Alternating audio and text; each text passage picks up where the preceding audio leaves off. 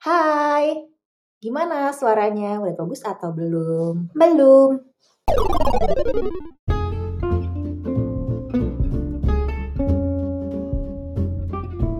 Hai, ini Hani. ini Geges. Dalam podcast ini kita akan ngobrolin bagaimana kita bisa mengenal diri sendiri dengan lebih baik Dan bagaimana kita bisa membangun relasi yang lebih sehat dengan diri sendiri dan orang lain. Hai, selamat datang kembali bersama Giges dan Hani. Yeay! Um, hari ini kita akan ngomongin tentang membaca fungsi-fungsi MBTI. Nah, karena kemarin setelah podcast yang pertama, ternyata banyak teman-teman yang masih bertanya.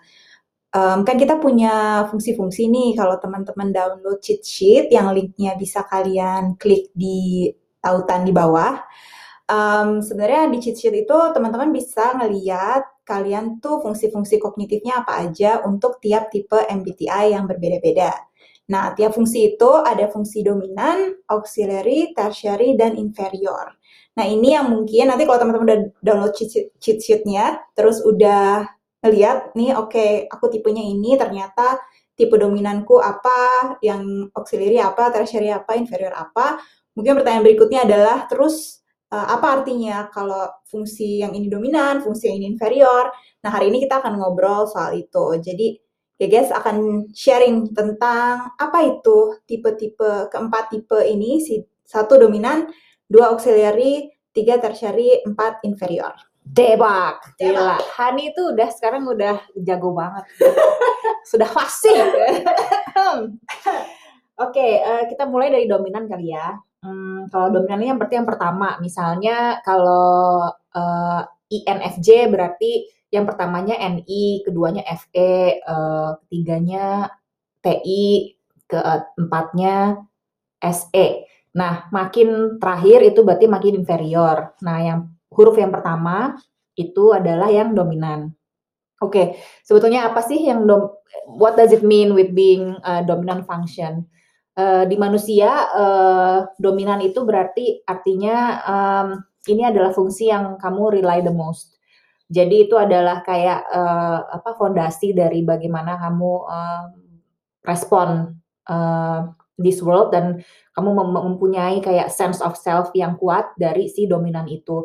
Misalnya kayak kamu orangnya yang pertama kali banyak banget kelihatan di kamu pas ketika kamu berinteraksi dengan orang itu adalah yang dominan karena karena kamu nyaman makainya jadi uh, apa ya orang tuh udah ngelihatnya kamu nyaman dan juga pede gitu jadi uh, itu tuh udah kamu banget gitu nah mungkin kayak dominan tuh kayak baju yang kayak paling nyaman paling hmm. comfortable yang pokoknya kalau udah nggak hmm. tahu pakai baju apa baju itu lagi yang diambil baju yes. itu lagi yang diambil gitu ya iya -uh. benar benar hmm. benar Uh, jadi itu juga dominan adalah fungsi yang paling sering kamu pakai dan memakainya pun sangat effortless. Hmm. Jadi udah saking udah kebawa menjadi bagian dari kamu karena uh, dari sejak kamu kecil itu sudah kamu develop. Nah, memang dari fungsi dominan ini dia uh, developnya mulainya dari awal banget, dari awal kamu punya apa ya punya ego lah istilahnya punya sense of self mulai belajar gitu sampai kamu uh, teenage kayak umur 13 gitu 14. Nah, uh, terus nanti uh, kayak umur setelah ya teenage ke 20s gitu baru si auxiliary-nya ini uh, berkembang karena um, kamu makin sadar bahwa dengan kamu tidak bisa lagi hanya mengandalkan si dominan ini. Jadi si ada muncul fungsi lain yang bisa membantu kamu membuat keputusan menjadi lebih uh, apa ya lebih baik dan juga merespon situasi yang kamu alami hari hari itu menjadi lebih baik juga gitu. Jadi kayak hmm, kayak apa kalau kamu bilang tadi? Kayak aku bilangnya auxiliary uh, to dominant itu kayak your the, the Robin to your Batman. Nah itu dia. kayak your sidekick gitu ya. Atau yes. mungkin kayak that signature apa aksesori atau tas atau Zah. sepatu untuk melengkapi si baju yang nyaman tadi si dominan. Wah, wah bener juga tuh. Jadi kayak ya bener-bener bener. Jadi elemen kedua yang penting ya, yes, ya, yes. ya yang bisa uh, membantu si fungsi dominan ini juga memperkuat mm-hmm. hmm, apa me, ya ya sidekick sih benar. Jadi sekiranya si dominan ini udah kelewatan Hmm. gitu, si auxiliary-nya ini bisa membantu to balance gitu. Jadi nggak nggak misalnya nih ya, kayak eh, satu eh, contoh deh apa ya misalnya coba ISFJ ya, SI, FE, terus TI, NE. Nah, fungsi keduanya kan external feeling. Nah, misalnya ISFJ ini kan orang yang sangat at- taat ritual, taat aturan, pokoknya dia anak baik-baik lah intinya. Nah, ada satu masa di mana dia makin dewasa bahwa ngikutin peraturan mulu tidak membawa hasil yang dia inginkan gitu. Jadi gimana nih caranya ya dia supaya bisa apa realitanya tuh sesuai yang dia bayangkan gitu yang sesuai dia harapkan ya dia mengembangkan si fungsi FE-nya ini dia mulai interaksi sama orang mulai apa ya mulai memberi kan memberi eh, koneksi FE ini tuh eh, fungsi koneksi sama orang lain ya. Jadi dia mulai melihat bagaimana kebutuhan-kebutuhan orang lain gitu. Nah ini ini membantu dia informing si apa yang dia udah tahu sebelumnya gitu. Si SI-nya ini SI ini internal sensing. Jadi eh, nggak melulu ikutin rutin gitu. Karena kalau terus-terusan ngikutin aja apa yang udah ya it's been done forever so you just follow gitu Eh, dan at some point ketika makin dewasa kamu melihat masalah itu kayaknya makin kompleks gitu Hmm. makanya kan banyak orang yang wah kalau childhood kan simple ya iya yang kamu lihat kan cuman Ah, sebagian iya, iya. ya Hmm, hmm. kayak makin kita dewasa kan kayak warnanya tuh makin bervariasi gitu. Hmm. Nah, makin bervariasi berarti juga respon yang kita kasih kayaknya mesti lebih bervariasi juga. Kalau enggak kita nggak survive ya. Ya, ya, Mm-mm. ya. Oke. Mhm. Nah, sekarang tertiary. Oke, tertiary ini tuh eh, setelah nanti ya setelah kita udah umur eh, sebenarnya umur-umur 30 nih tertiary itu banyak yang berkembang. Nah, kamu baru tahu bahwa misalnya nih kayak tipenya gue ya, tipe ENTP. Gue tuh dulu waktu gue lebih muda, gue sangat tidak tedeng aling-aling. Jadi gue bisa gitu bilang, eh kerjaan lo tuh jelek Hmm. Lempeng.com. lempeng lempeng.com on your face gitu. Terus makin terus gue mendapatkan feedback nih tidak baik dari orang itu. Orang itu akan muncul eh, akan datang ke gue eh "Oke, guys yang kamu tadi omongin tuh menyakit, menyakiti hatiku. What? Gitu. Gue baru sadar what? Padahal kan menurut logika gue internal thinking gue si si psychic gue si auxiliary gue itu that's the right thing to say yes to that konteks mm, apa untuk kondisi kayak kerjaannya jelek memang as it is gue memang melihat asesmen gue cukup objektif gitu. Gue nggak ada keinginan untuk menjatuhkan si orang itu sama sekali. Hmm. cuman orang itu kan juga punya perasaan ya dan itu sering gue lupakan. Jadi gue akan bilang eh kerjaan lo jelek tapi belempeng terus udah gitu mendingan lo pergi aja deh. Ouch. Ouch jadi gue bermulut silet terus lama-lama gue jadi nggak punya temen men. Hmm. nah ini kan makin kompleks kan bahwa apa yang kita lakukan punya efek gitu Iya. impactnya ke gue oh kenapa ya gue teman-teman gue pada menjauh? Misal atau misalnya kolega gue jadi sungkan gitu ngomong sama gue karena mereka takut di di ini dikasih tahu sesuatu dengan sangat dingin gitu. Bahwa setiap orang tuh sebetulnya ada apa dari nuans lah bo ya ngomongnya nggak gitu gitu. Nah baru si tertiary ini gue keluar si fungsi ingin connect sama orang makanya sekarang gue lebih peduli sama bagaimana message gue ini tersampaikan atau diterima oleh orang lain nah itu Hmm. jadi fokusnya adalah orang lainnya gitu Oke. nah si ini fungsi tertiary ini gue rasakan sedang berkembang di gue gitu. Hmm. Tapi sebenarnya kayak fungsi tertiary ini kan tadi kayak umur 30-an gitu. Mm-mm. It sebenarnya itu enggak Nggak patok. plek-plek enggak Iya. patokan kan ya. Jadi bisa jadi dia berkembang lebih cepat atau justru lebih lambat gitu kan tergantung eh, seberapa seberapa besar kita mengekspos diri juga terhadap Hmm. tantangan dan dan hal-hal baru di sekitar Iya. kita. Heeh, dan juga untung-untungan sih Hmm. kayak ada orang yang punya kesempatan untuk travel ada eh, kan Ah, oke. kayak misalnya aku punya aku beruntung karena aku bekerja di banyak situasi Hmm. Terus selama banyak beragam situasi itu makin belajar bahwa aku nggak bisa pakai cuman satu pakai eh, satu mode untuk semua gitu setiap orang itu penerimaannya beda-beda dan aku harus adjusting how I deliver my message. Kalau enggak malah jadi berbalik uh, apa yang aku ingin sampaikan malah nggak diterima dengan baik jadinya hmm. mental gitu. Nah ini kan jadi jadi jadi belajar aku ya beruntung karena ketemu banyak orang ya. Tapi bisa juga selama hidup kamu hanya tinggal di mana gitu kan, nggak ketemu banyak orang, jadi juga nggak ada tantangan yang datang ke kamu. Oke, jadi si tertiary-nya tidak hmm. mendapat kesempatan untuk dipraktekkan gitu ya, ya basically. Jadi sebenarnya mungkin si tertiary ini adalah adalah uh, si baju yang kau pakai dengan dengan untuk misalnya kalau mau ke kantor nggak mungkin kan kamu pakai baju si dominan dan auxiliary yeah. lagi gitu yeah, jadi yeah. ke kantor pakai ini atau mau ke arisan mungkin bajunya juga agak yeah, penyesuaian dikit bener. atau ke kondangan gitu kan bajunya juga yeah. menyesuaikan pada siapa yang mengundang gitu kan yeah. dan situasinya seperti apa yes. jadi nggak nggak pokoknya gue nyamannya pakai ini pakai ini aja gitu tapi iya. mulai memikirkan oke okay, kalau gue datang ke sini untuk menghormati yang undang atau menghormati situasinya seperti apa atau gue lagi di pantai gitu yeah. berarti bajunya juga berubah gitu. berubah gitu. but that doesn't necessarily change your signature no yeah, tetap aja tetap gitu aja gue nyamannya paling yeah, pakai uh, ini gitu uh, tapi si yang fungsi tersier ini akan muncul untuk mengenhance uh, hmm. supaya uh, apa yang ingin kamu sampaikan tuh bisa ke uh, apa match gitu loh. Jadi reality di kepala kamu sama reality di luar itu match. Ya, ya, ya kan? Ya. Gitu. Mungkin kalau dominannya biasanya pakai jeans uh -huh. gitu, tapi kantor oke okay, pakai jeans tapi sepatunya hat yes. dan blazer gitu. Ya. Yes. Jadi kayak tetap ada tetap ada hal yang bikin kita nyaman, uh -huh. itu tetap di situ gitu kan. Uh -huh. It doesn't mean terus hilang juga fungsi-fungsi mm -hmm. yang dominan dan auxiliary-nya. Iya, benar.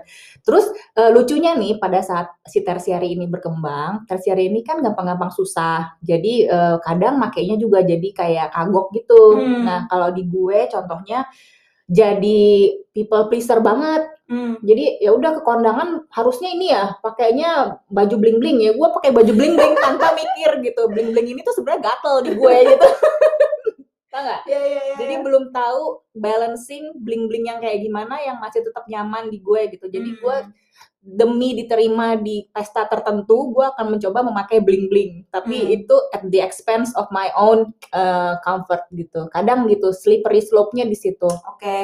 berarti kita juga salah satu uh, eh, PR untuk memahami fungsi-fungsi ini juga untuk ngelihat ya, oke okay, dominan aku apa sih, auxiliary apa sih, tertiary apa sih gitu. Dan kalau aku ada di fungsi-fungsi ini tuh gimana caranya supaya mereka berinteraksi dan tetap rasanya tetap enak di aku tapi juga functioning well gitu kan mm-hmm. dengan orang lain atau mm-hmm. tantangan yang lagi mm-hmm. kita hadapi gitu. Iya, yeah, iya. Yeah. Wah, ini challenging banget sih apalagi mm. kalau misalnya kita uh, apa ya, istilahnya punya trauma gitu ya. Mm jadi kayak ragu gitu untuk untuk mendevelop si yang tertiary ini. Karena tertiary ini kan munculnya baru pas kita dewasa dan kita udah mulai lebih memahami dunia di sekitar kita dan juga memahami diri sendiri gitu. Jadi karena hmm, karena nggak karena asing gitu tapi pengen gitu ya pengen connect sama orang tapi nggak tahu caranya gimana gitu. Jadi dan juga banyak uh, mental apa ya mental belief yang kita harus uh, dismantle ya Hmm. Kayaknya kalau makin tersiarinya ini berkembang berarti kan si yang dominan dan auxiliary-nya ini dulu waktu waktu berkembang memang uh, fungsinya memang to protect ourselves gitu, to give ourselves a sense of strong identity hmm. gitu. But then uh, kan bukan itu aja ya.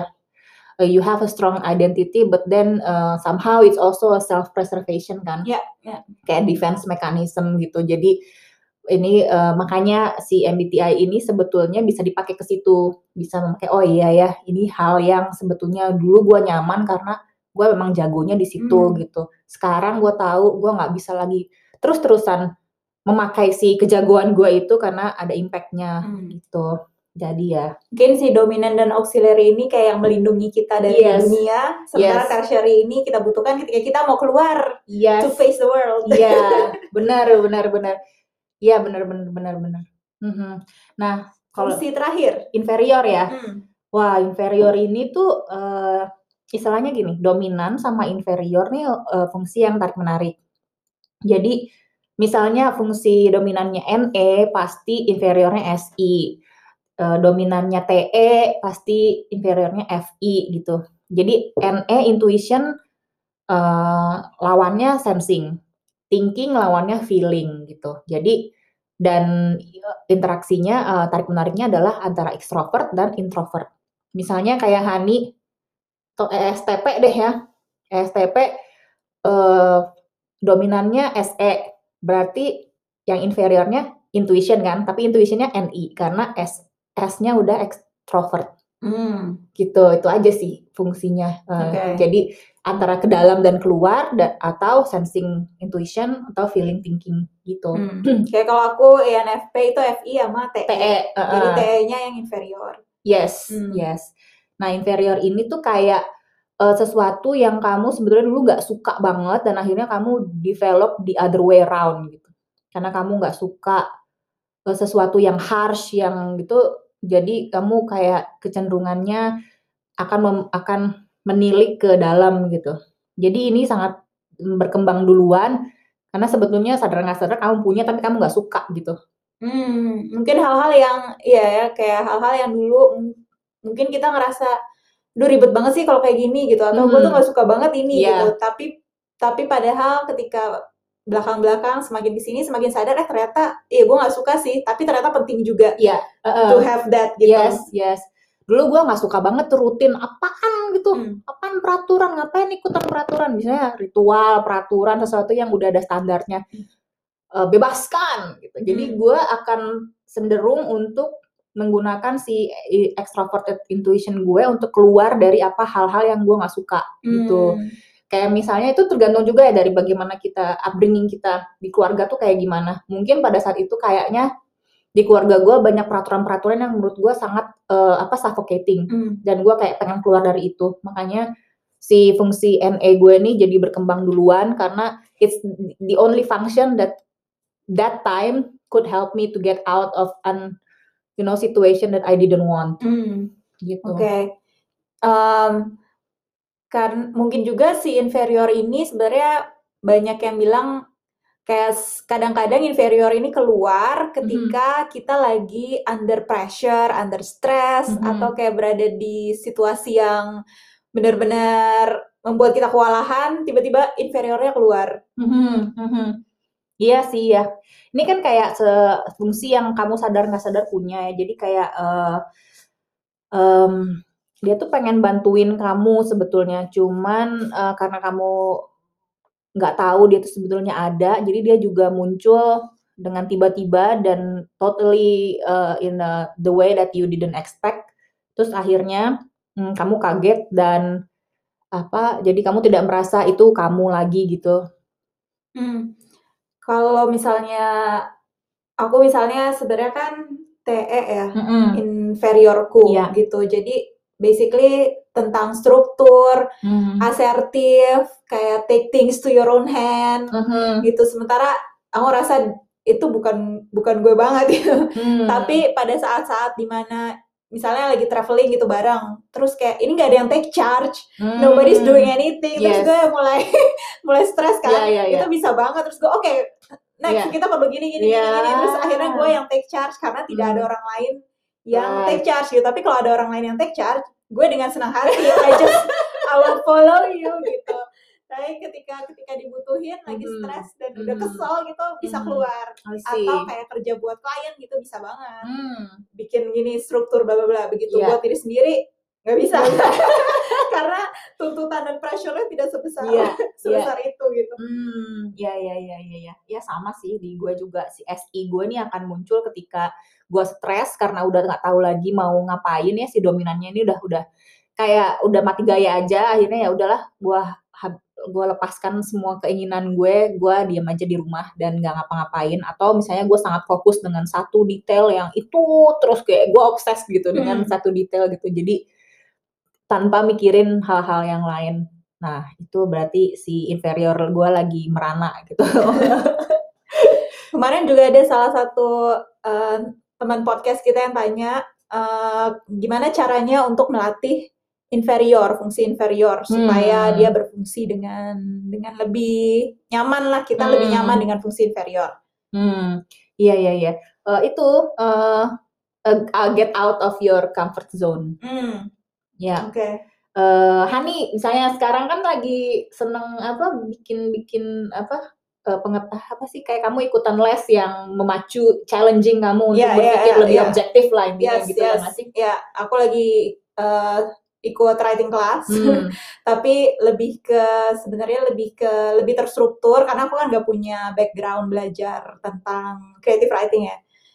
Dan biasanya pendekatannya adalah, oh aku suka buku ini atau aku nggak suka buku ini atau buku Hmm. ini asik deh. Hmm.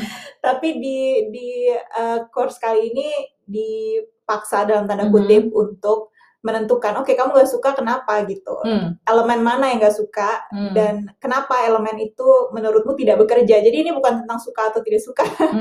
tapi jadi bukan feeling sementara aku kan dominannya feeling feel based Hmm. gitu semuanya Hmm. tapi di- dipaksa untuk mencari Hmm. mengapa gitu dan elemen apa yang tidak bekerja kenapa dia tidak bekerja dan itu aku cukup kayak oh no it's new I- Iya. it's not me gitu Iya, untuk iya. untuk membaca sebuah karya seperti itu Hmm. tapi menarik gitu Hmm. karena karena aku jadi bisa berpikir dari sudut pandang yang berbeda Hmm. Kalau di gue kasusnya kayak gue gue kan seneng ya taking an interesting project. Sekarang challenge-nya adalah to finish that project.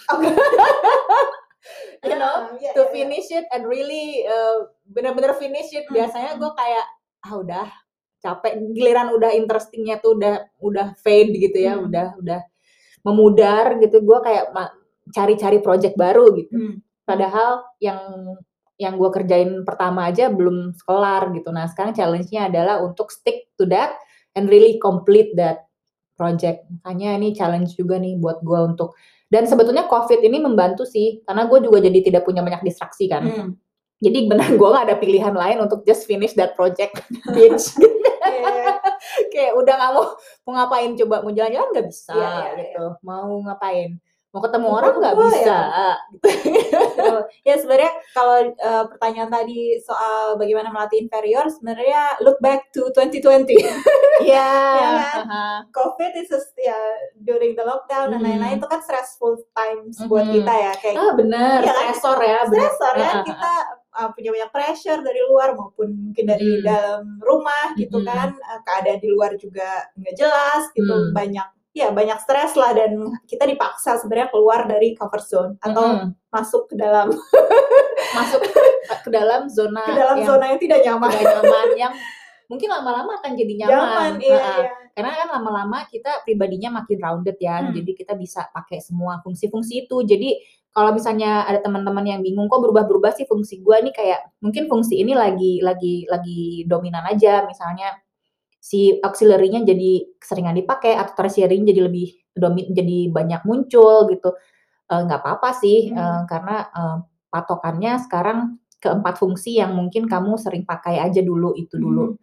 Hmm, Mau urutannya diganti terus kamu tiba-tiba berubah kepribadian sebetulnya eh, ya nggak ya memang kita kepribadiannya akan berubah-berubah tergantung situasi nggak sih? Iya, betul, betul. Heeh. Hmm. Jadi kalau kemarin ada juga teman-teman yang habis post podcast episode 1 bertanya, aku kok kalau tes berubah gitu dua Hmm. kali keluarnya tipe ini, nanti tiga kali ke- tiga tahun kemudian keluarnya tipe yang lain, Mm-mm. atau kok aku tipe ini tapi pas baca eh, penjelasannya kayaknya aku nggak gitu-gitu banget. Hmm. So yeah, it- it's possible gitu, bukan berarti terus kalian aneh atau gimana, enggak ya. Maksudnya Hmm. itu itu possible banget. Kayak tadi Geges bilang, mungkin tergantung pada saat itu fungsi apa yang kamu lagi Mm-mm. lagi gencar-gencarnya Hmm. Iya, dipakai uh-uh. atau so it's normal actually ya. Iya, iya benar, benar.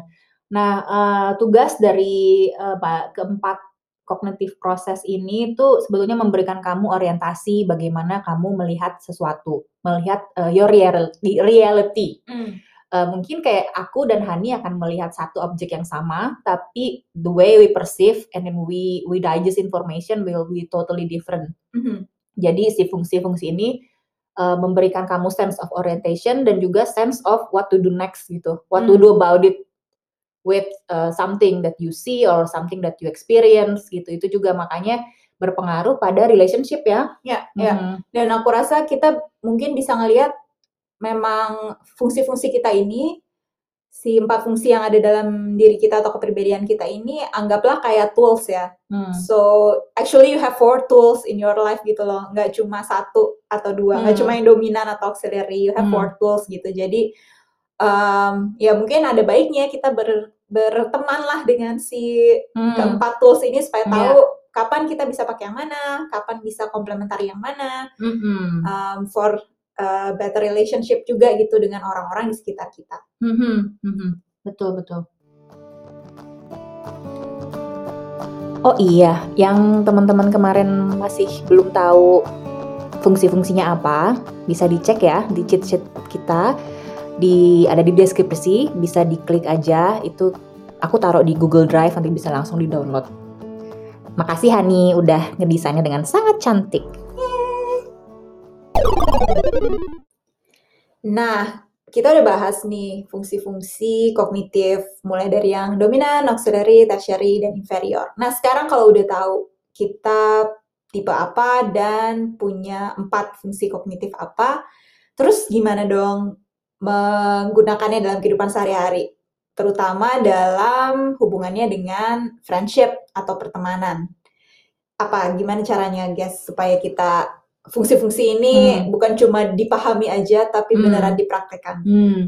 Eh, mulai ini ya, mulai eh, amati hmm, biasanya konflik-konflik yang muncul itu di seputar apa dan eh, sebetulnya apa sih yang menjadi eh, apa ya titik gatal gitu kali ya kayak kayak ih gitu kan Hmm. misalnya kayak teman yang teman-teman yang curhat bukan curhat sih kayak eh, reply DM gitu cerita bahwa gue nggak suka nih eh, kalau temen tuh ngaret gitu. Berarti kan masalahmu adalah di punctuality, di ketaatan gitu. Jadi eh, mulai eh, identifikasi misalnya masalah itu di masalah mana nih? Masalah eh, kurang sensitif yang orang itu nggak sensitif kah? Atau misalnya ini tuh tidak adil gitu, di masalah keadilan kah gitu. Gitu ya. Jadi Hmm. karena dari situ kamu baru bisa ba- baru apa akan mengerti sebetulnya reality kamu yang kamu pahami ketika melihat sesuatu dengan reality temanmu itu tidak match makanya kamu Hmm. eh, you know eh, suka ada konflik konflik Oke. kan terjadi ketika realitimu dengan reality orang lain itu tidak sama nah makanya konflik itu harus dijembatani nah caranya gimana ya eh, sebisa mungkin kita eh, kembali lagi ke apa yang kita kita apa ya kita ekspresikan yang sebenarnya kita pahami dari situasi tersebut Hmm. Contoh-contoh kalau yang teman ngaret. teman ngaret oke Kemarin tipe, tipe apa? kemarin tipe ISTJ ya ISTJ yang Heeh. salah satu masalahnya adalah eh, ya sebenarnya mungkin merasa nggak merasa nggak Hmm, dihargai nggak atau ya kan, Hmm. kan kalau temen yang ngaret tuh kayak ngerasa Mm-mm. ah I don't like it gitu. Hmm, hmm. Nah, eh, berarti kembali ke berarti kembali ke needs ya. Kamu bisa bisa coba ya. eh, Hai, eh, aku udah datang nih dari jam 5. Kamu datangnya jam 5.30. Eh, buatku 30 menit itu artinya besar. Dari dengan 30 menit aku bisa mengerjakan banyak hal. Hmm. Dengan kamu datangnya 30 menit lebih lambat itu membuatku tidak bisa melakukan hal-hal lainnya karena Hmm. productivity is my you know uh, it productivity is important for Hmm, me gitu. hmm. Jadi so kembali lagi ke why do you need to be punctual and what does it mean for you? Like so communicate your needs. Baru orang itu oh gitu 30 menit tuh ternyata buat lo gede artinya. Kupikir gitu. Oke oke. Ada orang lain yang alah 30 menit doang ya nggak sih? Ya ya ya. ya. Nah ini kan salah satu. Nah ini sebenarnya memunculkan ketidaknyamanan lainnya. Iya. salah satu yang kita bahas eh, kemarin di episode pertama kan salah satu adalah muda yang gak enakan ya. Hmm, Kayak, Iya. duh, gue harus ngomong gak sih kalau Mm-mm. sebenarnya tiap kali dia ngaret tuh a little bit of me die inside gitu kan. Misalnya kayak Yes, ntar exactly. dra- drama banget gak sih atau ya udah let go aja gitu Uh-uh. atau ya udah kalau karena gue tahu dia biasanya ngaret 30 menit, gue bilang aja kalau jajan jam 5 bilang aja gitu. Hmm, Eh, jajannya jam 4.30 misalnya. Iya. Iya. Bah, gimana caranya kita break that that nggak enakan Hmm, iya. Susah sih ya, soalnya konteks kita kan nggak direct ya orang-orangnya ya. Beda mungkin kalau di Belanda lo bisa bilang gitu, kayak ya kok telat 30 menit gitu, gue sebel, gue nggak suka gitu Iya, kan. iya. They will take it, oh oke gitu. Kalau misalnya orang Indonesia, buset dah, 30 menit doang. Eh Oh, buset, drama oh, drama gitu. gitu.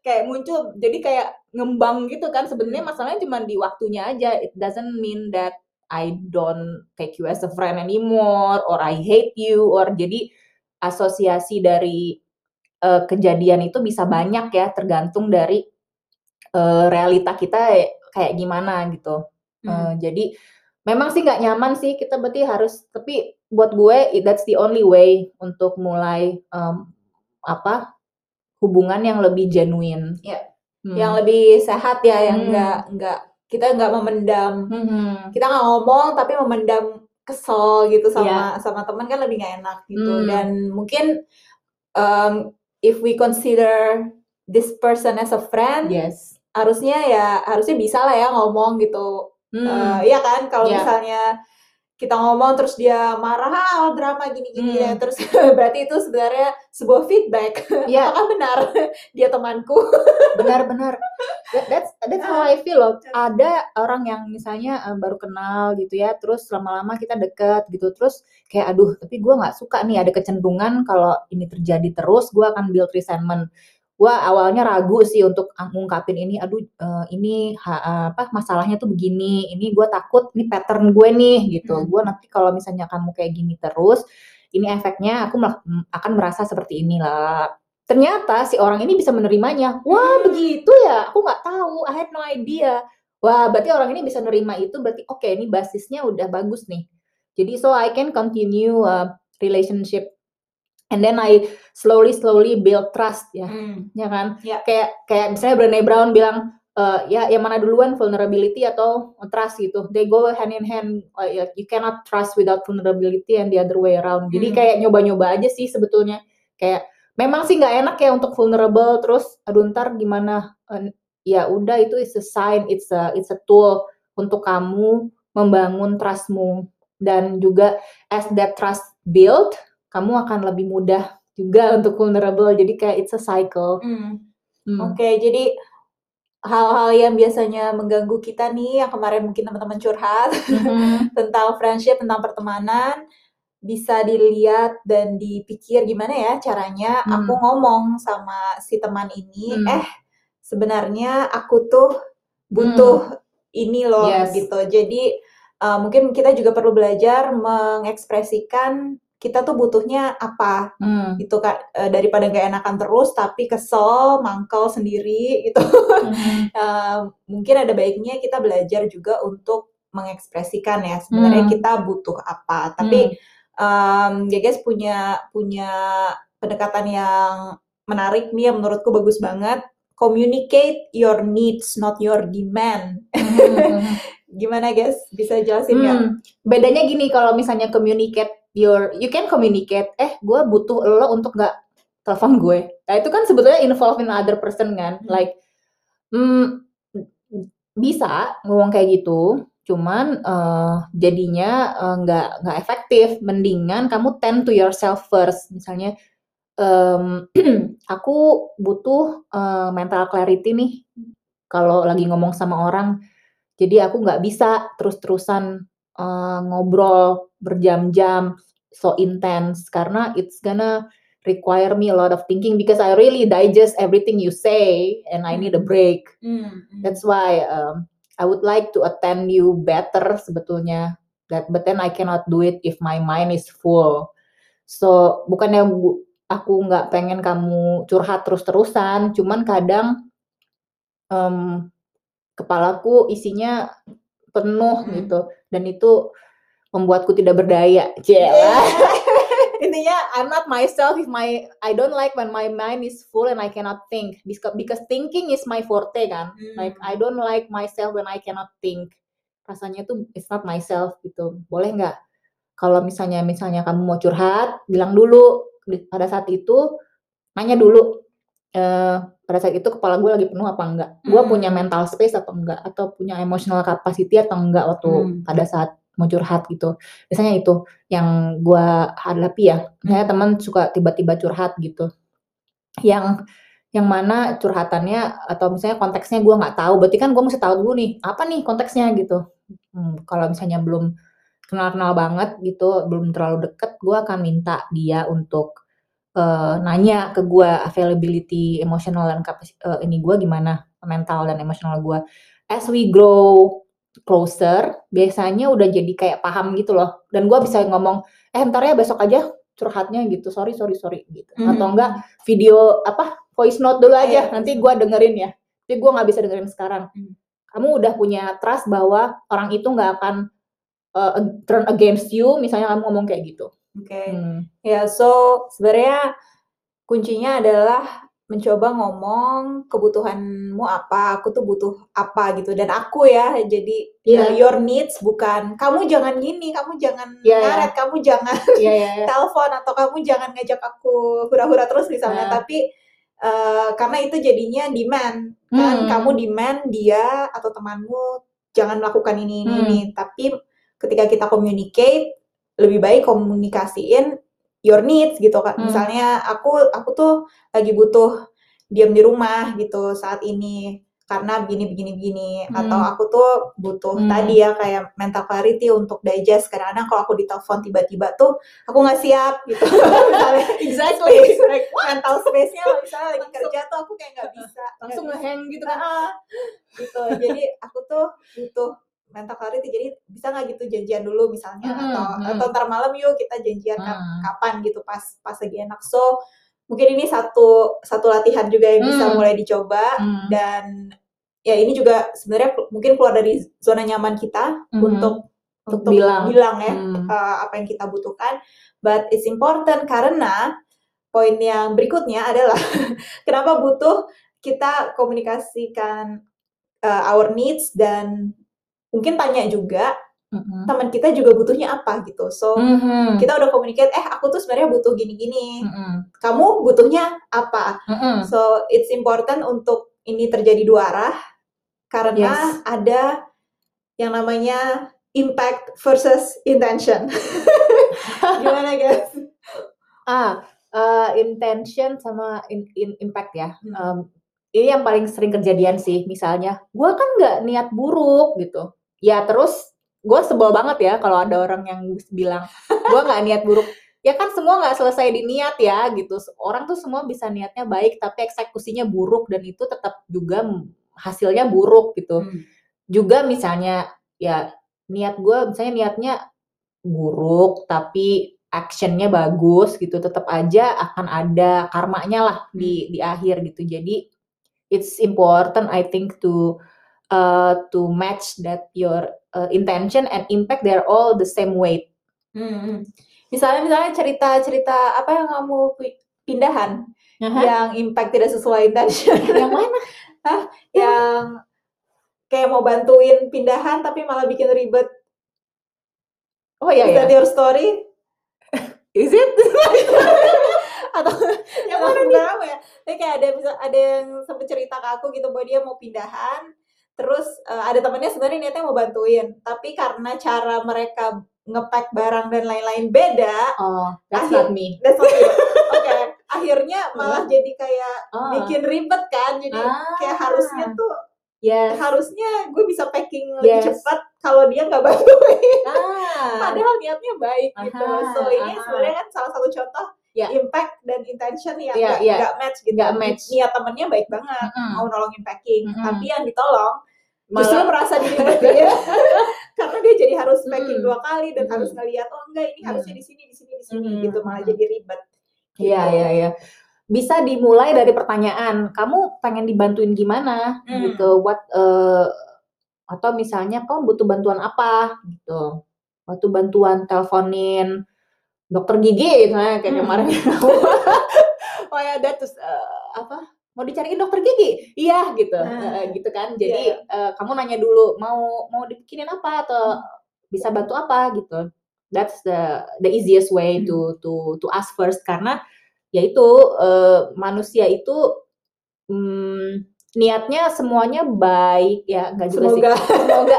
Kita tuh duality gitu loh. Kayak kita kadang juga punya niat buruk ya hmm. gitu. Dan kadang kita malah contohnya di gue lah gue sering uh, melakukan hal-hal yang uh, sebetulnya kayak buat gue nih hmm, ini kan pelajaran buat dia biar dia belajar.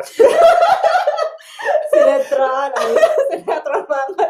Nih orang nih kayak begini nih nggak bisa disuapin terus nih harus diajarin. So, jadi gue tuh selalu berlindung niat gue kan baik. Yeah. niat gue jumawa gitu ya. Ternyata pas gue eksekusi loh orangnya ternyata tidak malah jadi apa jadi mal jadi bukan dia nggak jadi males belajar nggak motivated malah buat belajar malah hmm. discourage gitu kan oh iya ya berarti ya sebagus-bagusnya niat kita uh, caranya itu belum tentu bisa diterima uh, maksudnya cara itu membantu kita achieve our um, intention hmm. jadi dan intention and then uh, impact tuh harus match gitu makanya hmm. it's important to to ask ya hmm. jadi uh, aku rasa penting untuk untuk oke okay, kita bilang kita butuhnya apa tapi juga tanya orang lain butuhnya apa gitu walaupun hmm. mungkin niat kita baik tapi biasanya kan kita melakukan hal-hal yang menurut kita benar untuk diri sendiri ya. Iya, iya, iya.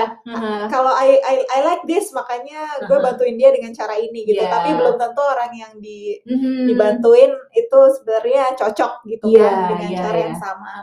Ada quote yang misleading sih. Hmm. Misalnya kayak don't do to others what you don't do to yourself gitu. Uh, Apa uh, don't don't do unto others what you, what yeah. you don't want. Iya eh apa sih? Ya pokoknya gitu jadi perlakukan perlakukan orang lain sebagaimana kamu ingin diperlakukan padahal sebetulnya nggak necessarily bener loh itu. Kayak misalnya kamu orangnya harus to yourself ya. Kamu orangnya disiplin. Ya kalau dalam situasi tertentu kamu akan disiplin yourself but that that person your friend mungkin pendisiplinan diri itu malah jadi kayak bumerang ya buat dia. Dia cuma pengen didengerin padahal hmm, hmm sebetulnya. Hmm. so I think uh, quotes itu juga jangan terlalu di terlalu mentah-mentah ya. Mentah. Mm -mm. bahwa apa yang seringnya yang kita lakukan kepada diri sendiri juga kadang nggak terlalu baik juga sih. Kadang kita kan suka jahat ya sama diri iya, sendiri. iya, iya iya benar karena malah suka lebih jahat sama sendiri ya, sama orang lain. Exactly makanya jangan jangan kepedean untuk melakukan apa memakai standarmu sendiri gitu. Karena belum tentu standar itu juga sebetulnya bagus-bagus banget karena memang sering kita juga suka masokis gitu suka hmm. you know treat ourselves badly yeah. without realizing it. Ya, yeah, hmm. so mungkin next time ada teman yang curhat atau mau pindahan yeah. atau lagi ada ada mau ulang tahun misalnya, mm. mungkin bisa nanya gitu. Hmm. Sebenarnya bisa nanya aja ya kamu butuhnya mm. apa atau kamu lagi pengen apa misalnya mm. buat buat ulang tahun gitu. Mm. Karena ya daripada kita sebenarnya ngasih sesuatu yang mungkin dia juga gak akan pakai hmm. gitu ya karena ada teman aku juga yang dia dia sempat bilang gitu dia communicate bahwa eh aku tuh lagi mencoba minimalis nih jadi hmm.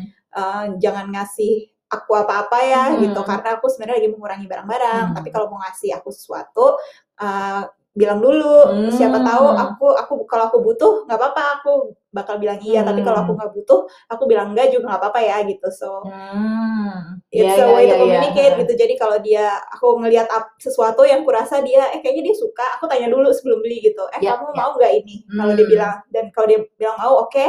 hmm. kalau dia bilang enggak juga jangan sakit hati hmm. karena kan udah dikasih tahu di awal hmm. apa gitu ya iya iya iya atau misalnya ditanya kamu pengennya apa? Aku pengennya kejutan.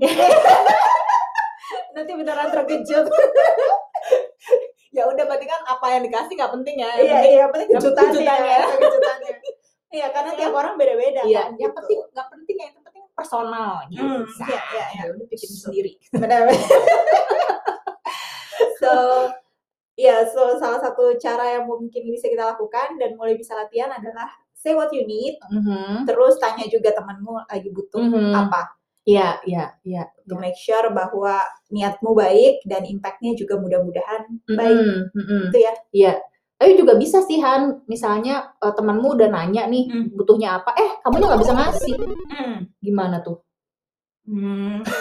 Too bad. Too bad. Aduh gimana dong ya? Eh aku butuh uang tapi kamu tidak mau bisa ngasih gitu ya mungkin bisa bilang sih eh aku tuh lagi nggak aku lagi nggak bisa ngasih uang tapi hmm. ada nggak yang bisa aku bantu hmm. lainnya mungkin gitu kali ya iya iya uh, hmm. jadi aku juga bilang gitu bahwa aku tuh lagi nggak bisa ngasih ini hmm. kamu butuh yang lain nggak yang hmm. mungkin aku punya atau mungkin aku bisa kenalin sama siapa nggak hmm. misalnya dan yang meminta kebutuhan ya yang yang yang meminta sesuatu juga jangan terus sakit hati kalau yeah, temannya yeah. ternyata tidak bisa memberikan yeah. apa yang dia butuhkan gitu. Right, right.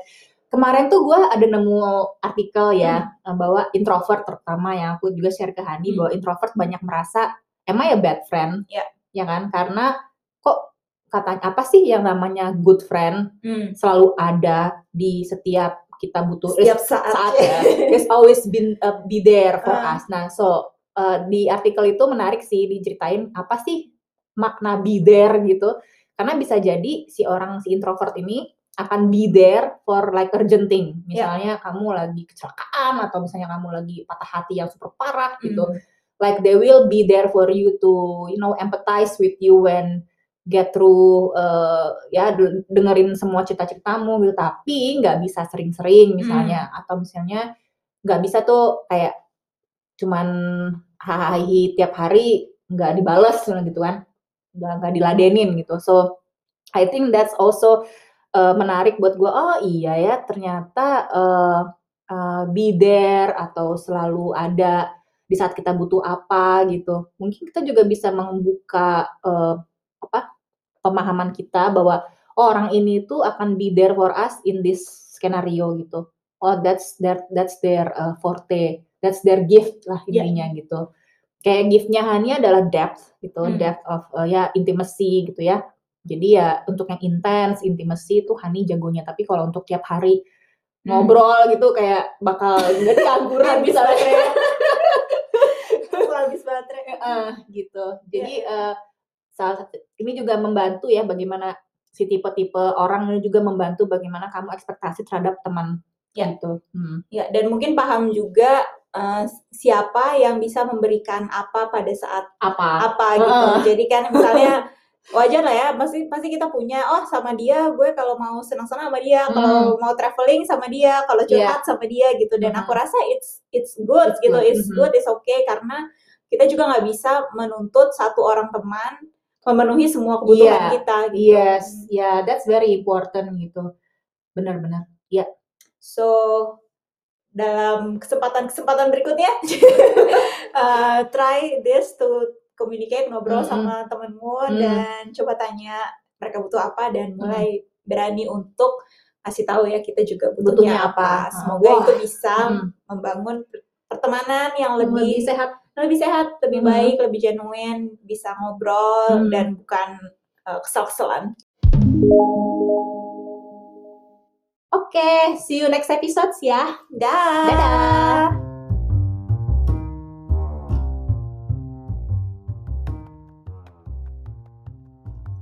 Jadi buat teman-teman yang minggu depan pengen ngobrol-ngobrol juga tentang personality type-nya, bisa email ya ke apa nama emailnya? gegesdanhani.com eh bukan gegesdanhani at gmail.com